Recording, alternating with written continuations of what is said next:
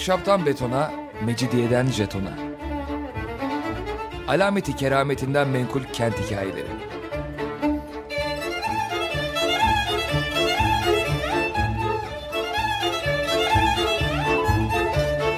Hazırlayan ve sunan Pınar Erkan.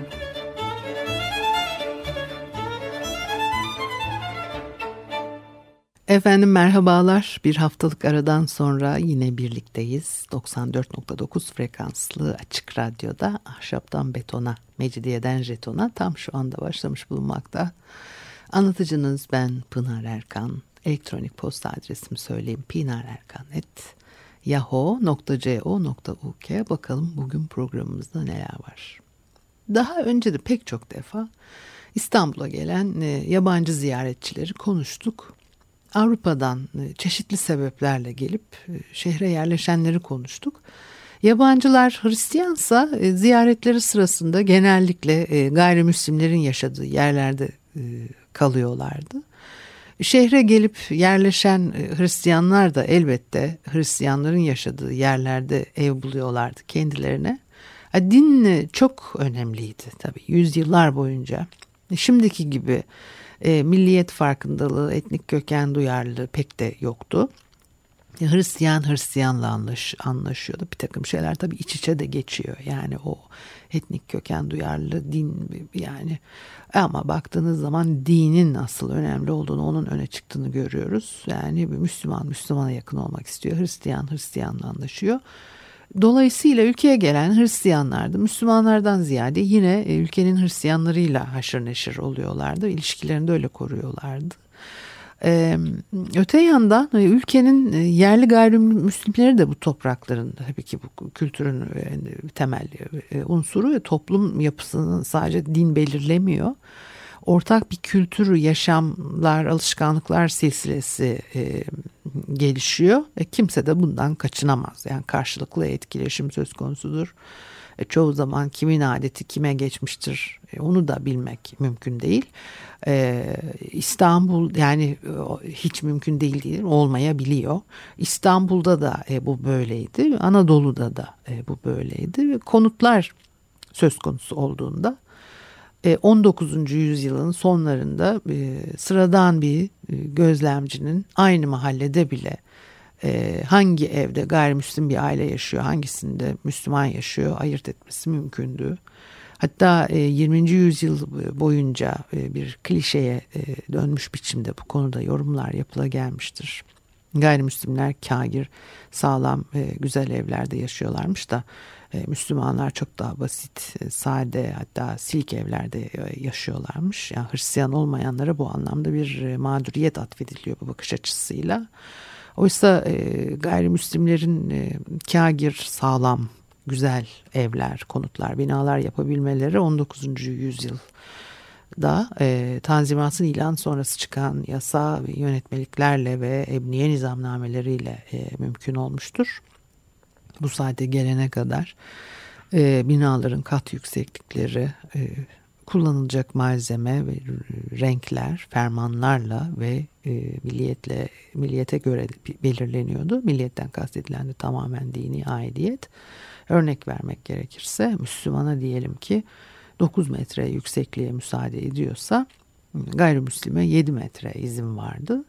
E, bu uygulama 19. E, yüzyılın ortalarından itibaren e, ebniye nizamnameleriyle değişmiştir. Artık e, mensubu olduğunuz e, dine göre değil, kullandığınız malzeme ve konstrüksiyon tekniğine göre e, daha yüksek bina yapabiliyordunuz. Ahşap yerine kagir teşvik edilmiştir. Kagir yapıya daha iyi imkanlar veriyor yönetmelik. Çünkü işte onu da daha önceki programlarda konuştuk. Yangın sorunu var. Ee, bir sürü sorun var ve e, mümkünse ahşabı e, azaltmaya çalışıyorlar. Yani onda da çok başarılı olunamadığı belli ama e, yani kagir ahşaba göre daha zor, daha pahalı. Fakat Avrupa'daki örnekleri daha çok benzeyen binalar yapabilmek mümkündü. Gayrimüslimler özellikle yıllardır süre gelen ticari bağlantıları sebebiyle Batı'yla daha yakın ilişkiler kurdular ve e, batılı yaklaşımları ilk önce onlar uyguladılar. E, bunu da hevesle yapmışlardır. Çünkü e, yasal ortamda e, oluştuktan sonra batıda gördükleri o çağdaş yaşam biçimi, mimari, kentsel yapılanmayı kendi memleketlerinde oluşturmak istediler. Ve ekonomik, kültürel, politik koşullar artık buna son derece e, müsaitti. E, ve öylece e, o yapılar mümkün oldu. Bir de 19. yüzyılda da tabii büyük bir nüfus artışı var hem batıda hem İstanbul'da. Dolayısıyla İstanbul artık tarihi yarımadanın tabii e, dışına taşmış. Tabii çok e, geç gelişmeler bunlar. Yani Avrupa e, bugün Anadolu yakası hala da e, baktığınız zaman Avrupa yakasına göre biraz daha ağır gidiyor. Ee, hani hep Anadolu yakası sayfiye yeri, Avrupa yakası asıl yaşama alanı, iş yerlerinin olduğu bölge olarak hani değerlendirilmiştir hala da neredeyse öyle değerlendiriliyor. Az kaldı çok azıcık bir şey kaldı yani onun da değişmesine çünkü artık hani e, oraya buraya hiçbir yere sığamaz bir şekilde şehir sürekli değişiyor dönüşüyor korkunç e, çok katlı e, boşluksuz kesintisiz e, korkunç o e, dönüşüm içerisinde yapılan yapılarla filan yani bambaşka bir şehre doğru gidiyor İstanbul. O göreceğiz bakalım neler olacağını ama e, 19. yüzyılda şehir içerisinde nüfus artarken ve şehir içerisinde bir e, e, sirkülasyon tabii söz konusu oldu. E, o yangınlar, nüfus artışı, işte e, hastalık salgınları filan tarihi yarımada de tabii köprü koyuyorsun. Yani iki yakayı birbirine bir köprü kurarak bağlıyorsun. Ondan sonra da yok daha dur geçme buradan diyecek halin de yok. Dolayısıyla bir yayılma söz konusu olmuştur. O yeni kurulan mahallelerde yeni imara açılan bölgelerde yerleşim alanlarında da işte öyle kagir yapılanmanın daha e, e, öne çıktığını görüyoruz. O dönemin e, e, daha popüler malzemesi işte teşvik edilen malzemesi e, yapılarda e, şehirde ona göre biçimlenmiştir günümüze kalan yapılarda zaten özellikle 19. yüzyılın son çeyreğinde Ebniye nizamnamelerine uygun olarak inşa edilen kagir konstrüksiyon yapılardır. Daha eski devirlere gittiğimizde ise başka türlü bir manzara çıkabiliyor karşımıza. O da nedir?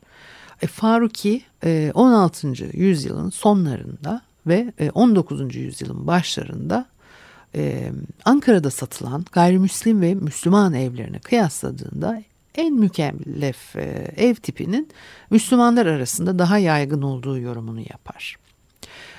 1600 öncesi ve sonrası Kayseri'de mesela Müslümanlarla Hristiyanların yaşadığı evler aynı tipte olduğu görülüyor aynı tip evleri tercih ediyorlarmış. Aradaki farklar hani göz ardı edilebilecek kadar az. Yani 19. yüzyılda gene e, başka türlü bir atmosfer karşımıza e, çıkıyor. Ee, Anadolu ile İstanbul arasında muhakkak farklar var ama pek çok konuda da yine benzer yaklaşımlar ortaya konduğunu da görmek enteresan oluyor. Konut tipolojileri kullanım biçimleri açısından e, bölgelere göre yerel kalıplar çıkıyor e, karşımıza. Her bölgenin e, kendine has özellikleri var. Şehrin genel karakteristiğini yansıtan kalıpları hem Müslümanlar hem gayrimüslimler takip etme eğiliminde bunları ve kendi yaşam biçimlerinde farklılıklar varsa onları da uyguluyorlar. Hatta e, Osmanlı İmparatorluğu içinde baskın kültür yani Müslümanlar ve e, konutların temel özelliklerini onlar belirliyor. Gayrimüslimler de onları izliyor. Eldeki örnekler üzerinde e, yapılan çalışmalardan bu sonucu çıkarabiliyorum diyor e, Süreyya Faruki. Bazı oda veya avlu tipleri e, gayrimüslimlerden çok Müslümanlar tarafından e, tercih edilebiliyor veya tersi söz konusu olabiliyor. Mesela şöyle diyor e, Kayseri ev mimarisinin önemli bir özelliği çift avlulu evlerdi. Eldeki verilere göre bu bir Müslüman evi özelliği olarak karşımıza çıkıyor. Dış avluda ahırlar, diğer hizmet alan e, hizmet alanları vesaire yer alıyor. Evin e, ana bölümünün biraz uzağında e, bir alan olarak e, kurgulanmış fakat işte sadece bu amaçla yapılmamış erkek ziyaretçilerin kabul edildiği bir bölüm olarak da değerlendirilebilir. Evlerin çift avlu özelliğinin e, Müslümanlara ait olması önemli. Çünkü 17. yüzyılın sonlarında Müslümanların ve gayrimüslimlerin evlerinin ana binalarındaki odaların yerleşim kombinasyonları aynı. Avluda değişiklik var. Yani avlu işin içine girince e, bazı odaların planda e, farklı yerleştirilebileceği de görülüyor. O zaman da işte konutun kime ait olduğunu ayırt edebilirsin. 16. E, yüzyılın sonlarında ve 17. yüzyılın başlarında Ankara'da büyük evlerin çoğunluğunda Müslümanlar oturuyor. Satış kayıtları üzerinden incelendiğinde bu tür evleri çok az sayıda gayrimüslimin aldığı anlaşılıyor. Fakat 1690'lara gelindiğinde durum değişmiş. Büyük ev satan e, gayrimüslimler var. Gayrimüslimler de daha çok e, büyük ev satın almaya başlamış. Demek ki bu tarihlerde e, Ankara gayrimüslimlerinin ekonomik durumunda bir iyileşme söz konusu. Ayrıca toplumsal ortam da buna müsait bir durum almış. Kayseri'de de aynı eğilimleri saptamak mümkün. 17. yüzyılda hem Ankara'da hem Kayseri'de çok tercih edilen, yaygın olan ev tipi Müslümanlar için de gayrimüslimler için de aynı ve çok daha mütevazi. Ve iki odalı konutlar bunlar. Ankara'da orta halli evlerin satış alış oranlarında büyük evlerde olduğu gibi fark da gözlenmiyor bir yüzyıl arayla. Ama Kayseri'de gözleniyor. E, çok enteresan. Yani Müslümanlar bir yüzyıl arayla daha az orta halli ev satın alırken gayrimüslimlerde bu oran artmış.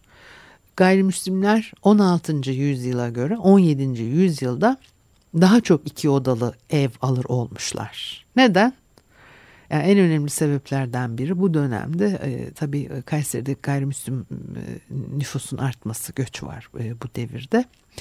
E, demek ki iki odalı ev alacak e, orta halli gayrimüslimlerin yanı sıra dört odalı ev alacak daha varlıklı gayrimüslimler de vardı e, göç edenlerin arasında. Bir müzik arası verelim ondan sonra devam edelim.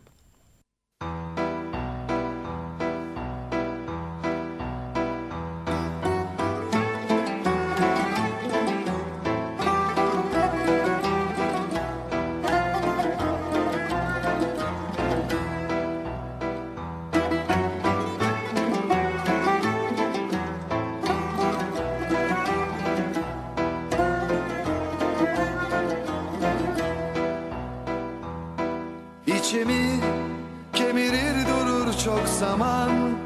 Olur olmaz bir yerde. Olur olmaz sorular. Açılır zaman zaman bir kapı. Olur olmaz bir yerden. Olur olmaz bir yere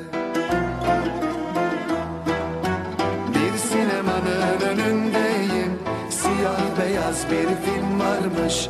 Annem babam beni çok severmiş. Ankara'dan abim gelmiş. Evde bir bayram havası. Annem babam beni çok severmiş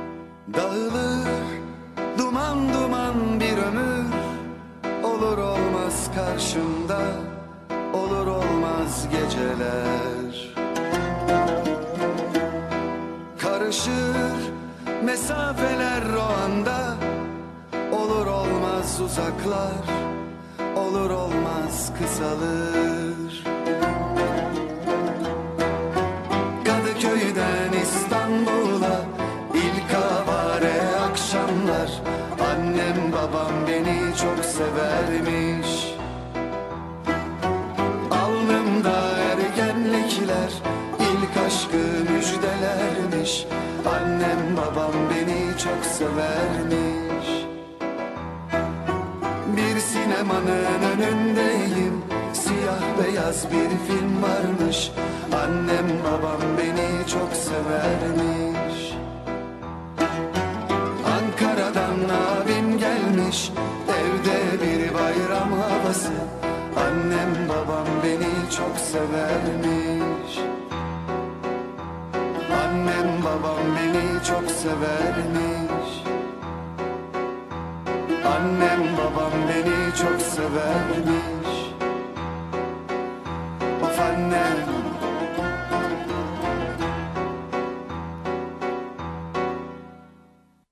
Efendim Açık Radyo'da Ahşaptan Betona, Mecidiyeden Jeton'a devam ediyor. Pınar Erkan'ı dinlemektesiniz. E, konutlar, evler, e, Ankara'da, e, Kayseri'de satılan e, Müslümanların tercih ettiği, gayrimüslimlerin e, tercih ettiği evler hakkında biraz konuşuyorduk. E, Müslümanlarla e, gayrimüslimlerin mimari tercihleriyle ilgili yapılan çıkarımların tamamıyla tabii geçerli olabilmesi için herkesin sadece kendi dindaşına ev sattığı bir toplumsal yapı olması e, gerekir. Halbuki Osmanlı İmparatorluğu'nun e, gerçeği bu değildi hiçbir zaman. Farklı dönemlerde e, değişen koşullara göre her iki grubun birbiriyle değişen oranlarda konut alışverişi yaptığını biliyoruz. Yine bir takım gözlemler yapmak mümkün burada. 1600'lerin kültürel iklimi, ekonomik gücü olan e, gayrimüslimlerin kendilerine istedikleri büyüklükte ev e, inşa ettirmelerine olanak veriliyor, görünüyor. E, fermanlar her dönem e, çıkıyordu ve gayrimüslimlerin ata binmelerini, e, pahalı kıyafetler giymelerini, efendim işte gösterişli evlerde oturmalarını yasaklayan fermanlar bunlar katı biçimde uygulanmadıkları anlaşılıyor. Hiç değilse dönem dönem yer yer farklılıklar oluyor. Yani ekonomik imkanlar daha etkili eğilimlerde. Devletin müdahalesi esnetilmiş. Çok sayıda ferman çıkması da bir gösterge tabii. Yani sürekli işte debeli ki kimse dinlemiyor da onun için sürekli arka arkaya e, habire ferman çıkartıp duruyorlar filan. E, konutları satma nedenleri de dikkate değer. E, tipik bir satış belgesinde evin neden satıldığı söylenmiyor genel olarak ama istisnalar da var 16. yüzyıla göre 17. yüzyılda e, satış belgelerinde daha çok bilgi var. Borç yüzünden tabii satılan mülkler bilinebiliyor. Çünkü özellikle miras paylaşılacaksa öncelikle borçların ödenmesi gerekir. E, işlem resmi yoldan yapılacaksa e, kadı karşısına çıkıyor alacaklılar ve işte yeterli sayıda şahit bulmaları lazım. Borcum e, kabul edilip kayıt altına alınabilmesi için. Ve alacaklı olduklarını ispatladıktan sonra ödenmesini e, talep ediyorlar. E, kasam yapıyor bu işi ama e, yani bu yolun tercih edildiğini gösteren de çok belge yok. Çoğu borcun daha çok beyan üzerine ödendiği anlaşılıyor. E, belki de e, mirasçılar da biliyorlarsa borç olduğunu yani bunu kabul edip kadıya çıkmadan ödeme yapıyorlardı. Bir de ölmemiş insanların evlerini e, borçları yüzünden sattıklarını satış belgesine kayıt ettikleri örnekler var. Bunu niye yapmışlar onu bilmiyoruz ama. yaşlı insanların bazen mirasçıları satışa itiraz etmesinler diye bunu belgeye geçirdikleri varsayılabilir.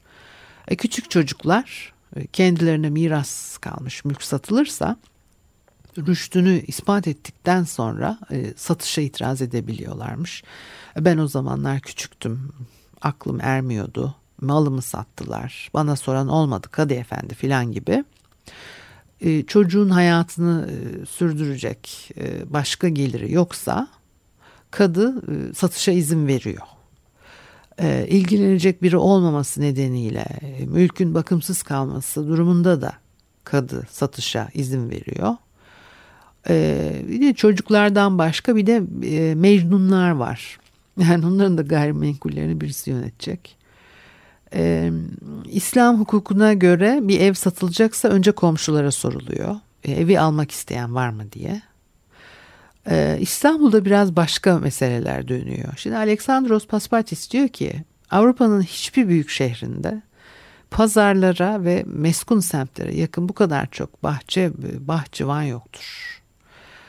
Ee, sur içinde özellikle Marmara surları e, içinde e, envai çeşit sebzenin yetiştirildiği bostanlar var. E, sur dışı işte o e, bostanlar e, meşhurdur. Bizansların bütün ama bu tabii saydıklarım kıyıda kalıyor. Bütün limanlar Kumkapı, e, Samatya, Kondoskalyon arasında yer alan limanlar zamanla toprakla doldu.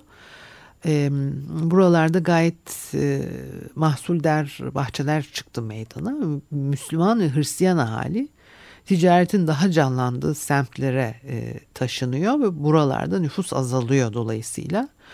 E, kara surları içinde özellikle küçüklü büyüklü bahçeler ortaya çıkıyor. Bu bahçelerin çoğu evvelden e, Müslümanlara ait kerşanelerdi.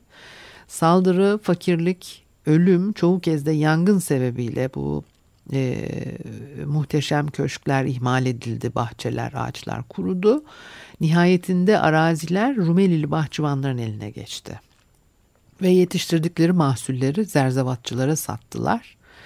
Müslüman mahallelerin içinde ve e, bazı Hristiyan mahallelerinin yanı başında bulunan e, bunca bahçenin akıbeti böyle. Meskun mahallelerden uzak olanlarla e, Karasurları yakınındaki bazı araziler eskiden beri bahçeydi. Ve sahipleri tersaneyi amireye yıllık vergi ödüyorlarmış. E, bu arazilerde e, e, ev inşa etmek veya yeni bir mahalle kurmak için e, devletten ruhsat almak çok zormuş. E, Osmanlı bahçelerini öyle kolay kolay inşaata teslim etmiyormuş. Yani neler neler öğreniyoruz kurcalayınca Osmanlı'yı satır arasından çıkan şeyler e, bir e, kültür ortaya koyuyor öyle veya böyle. 19. E, yüzyılın ortalarında tahammül fersa kira bedelleri ve o güne kadar duyulmamış arsa fiyatları özellikle işlek çarşılar ve Galata Beyoğlu civarındaki Hristiyan mahalleleri için geçerliymiş. Paspati biraz kızgın. Bu fahiş fiyatların sebebi devlet nizamnameleriyle Hristiyan ve Müslümanların dini adetleridir diyor.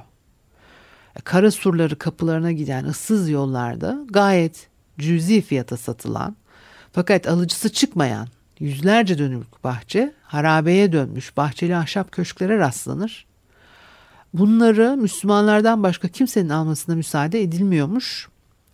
Halbuki onlar e, şehrin herhangi bir mahallesinde her zaman ehven fiyatta geniş ev ve bahçe bulabilirlermiş ona söyleniyor adam. Ve bütün bunlar e, İstanbul içindeki bahçelerin çoğalmasına neden olmuş. Müslümanlara ait merkezden uzak birçok ev yıkılıp arsaları zerzevat bostanına dönüştürülüyor. E, taşradan gelip bahçıvanlıkla uğraşan Anadolu az. Yani Anadolu'lu İstanbul'da bahçeyle uğraşmaktan çok e, haz etmiyor. Başka işlerle e, uğraşmayı tercih ediyor deniyor. Bahçıvanların çoğu sakızlıymış. Ee, Müslümanlara ve Hristiyanlara ait bahçelerde aylıkla çalışıyorlar. Boğaz içinin sahil köylerinde turunçgiller yetiştiriliyor. Bu konuda sakızlı bahçıvanların üstüne yok. Çok iyi biliyorlar bu işi. Ve Paspatis diyor ki Müslümanların e, çiçeklere düşkünlüğü malumdur. E, Müslümanların adetlerini izleyen Ermeniler de onları taklit ederler. Dolayısıyla e, bu bahçelerde çalışacak genç yaşta bu işlere başlayarak yetişmiş sakızlı bahçıvanlara çok talep oluyor. E, bahçıvanlar köşklerde ailecek e, çalışıyorlar. Genellikle köşkün e, müştemilatında yaşıyorlar. Fakat e, iyi ahlaklı olmaları ve aileyi ziyarete gelen erkek akrabalarının az olması e, gerekiyormuş. Bunlardan bazıları kendilerine bahçede satın almış. Ağaç, çiçek, türlü çeşit bitki yetiştirerek bunları satıyorlar. Ve hatırı sayılır servet kazananlar varmış aralarında. E, bu bahçelerin çoğu da Tatavla eteklerinde ve Kasımpaşa'da. Bu tür yerlerde bahçıvanlar e, işçileriyle birlikte bahçede yaşıyorlar ve yaz aylarında böcekten kurtulmak için açıkta uyuyorlarmış. E, kapalı mekan odaları pek matah anlatılmıyor. E, bütün gün bahçede çalıştıktan sonra o pis odalara nasıl giriyorlardı deniyor sade yiyeceklerle besleniyorlarmış ve etin fiyatından korktukları için genellikle tuzlanmış balık yiyorlar deniyor ve onun da hazmı zor. Bu haftalıkta bu kadar olsun. Haftaya görüşene kadar hoşçakalınız.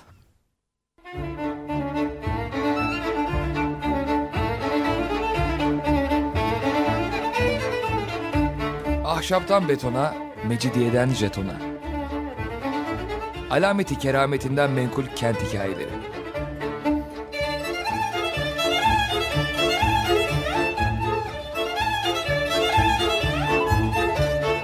Hazırlayan ve sunan Pınar Erkan.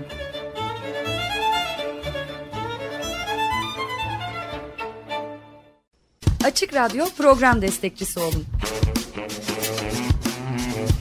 Bir veya daha fazla programa destek olmak için 212 alan koduyla 343 41 41.